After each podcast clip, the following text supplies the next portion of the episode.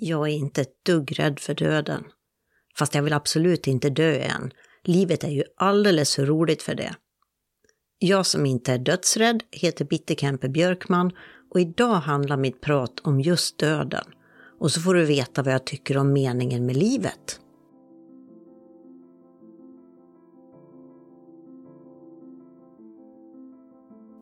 När jag var tio år var mina föräldrar med om en riktigt otäck bilolycka. Mamma klarade sig relativt lindrigt, men pappa var riktigt illa däran. Brutna revben, krossat knä, punkterade lungor och bruten handled var bara några av alla skador han fick. En sjuktransport som var på väg hem till sjukhuset efter ett annat ärende dök upp precis efter att olyckan hänt och kunde genast börja ta hand om det mest akuta och det var nog pappas räddning. På sjukhuset blev han sämre. Hans hjärta slutade slå. Läkarna kämpade för att få igång det och lyckades. Men när pappa blivit stabil och var vid medvetande igen sa han att han ville tillbaka. Han hade nämligen varit på en helt fantastisk plats under tiden som hans hjärta inte slog. Och en till, var reaktionen från sjukhuspersonalen. Det här har vi hört från andra som har varit i samma situation. Pappa berättade att han kom till den här platsen på en ljus ton och det första han såg när han kom fram var ett vackert landskap med gröna ängar och blå himmel.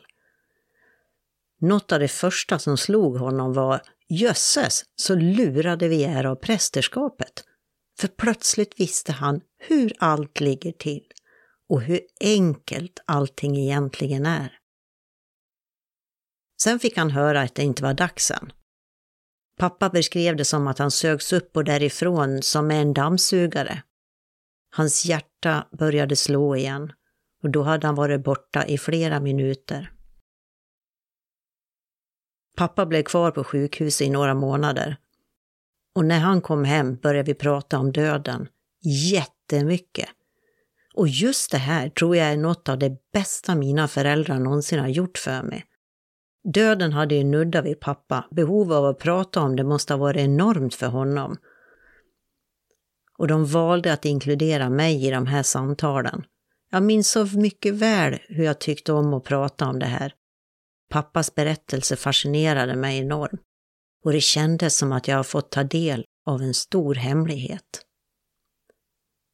Döden i sig blev avdramatiserad för mig. Den blev liksom en självklar del av livet, vilket den ju faktiskt är. Den är ständigt närvarande, nära eller längre bort. Döden påverkar mig såklart enormt mycket.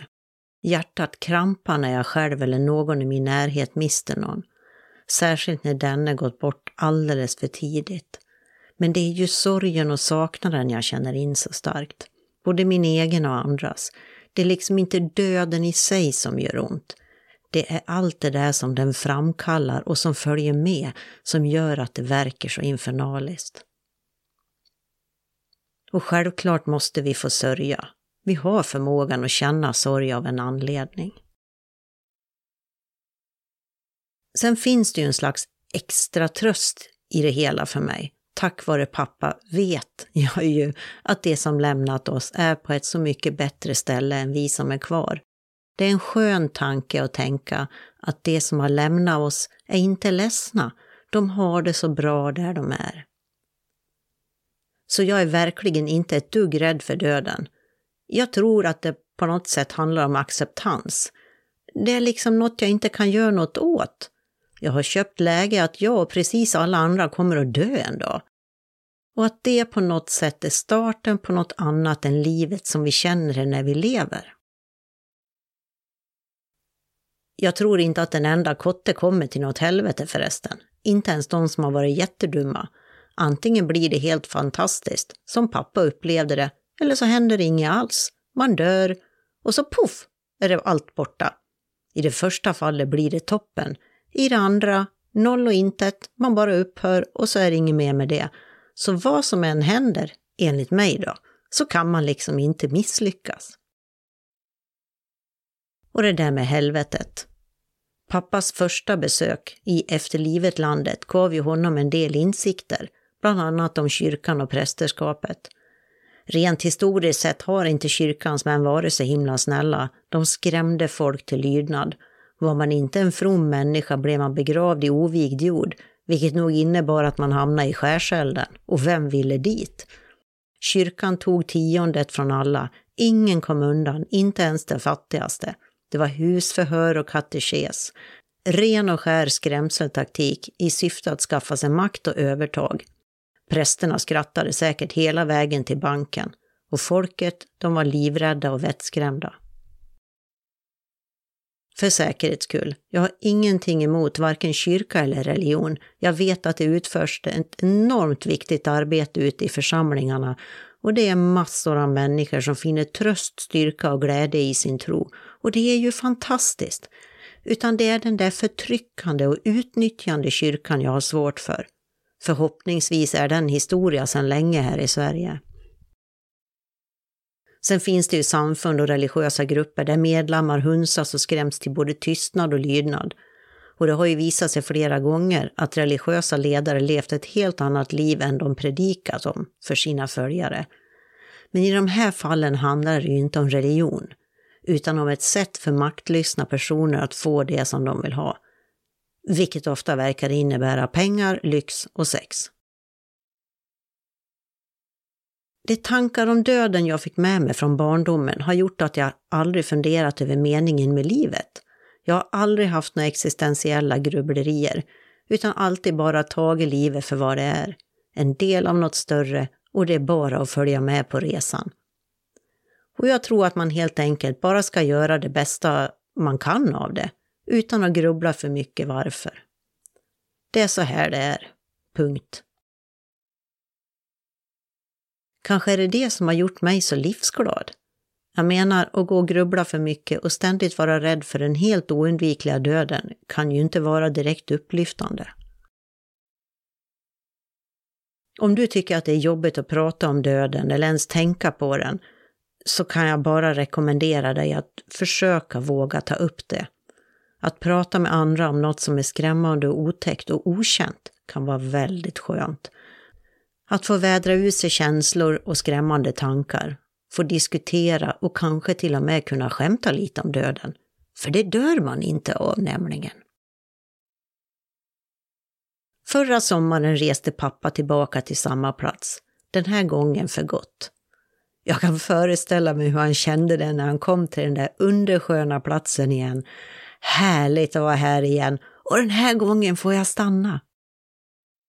Pappa var dock tacksam för att han räddades och fick leva ett jättebra liv i många år till. Och det helt utan rädsla för döden.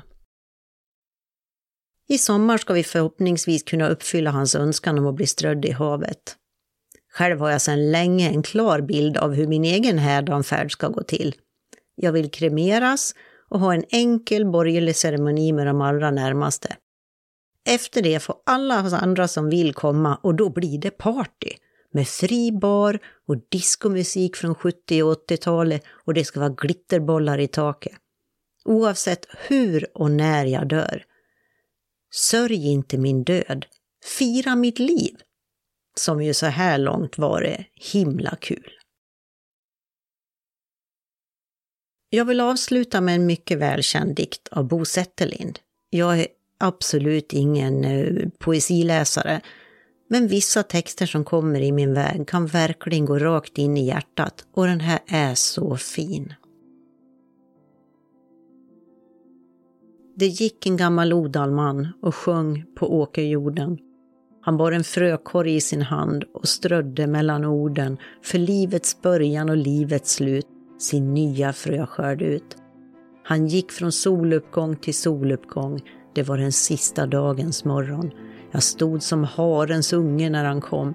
Hur ångestfull jag var inför hans vackra sång. Då tog han mig och satte mig i korgen och när jag somnat började han gå.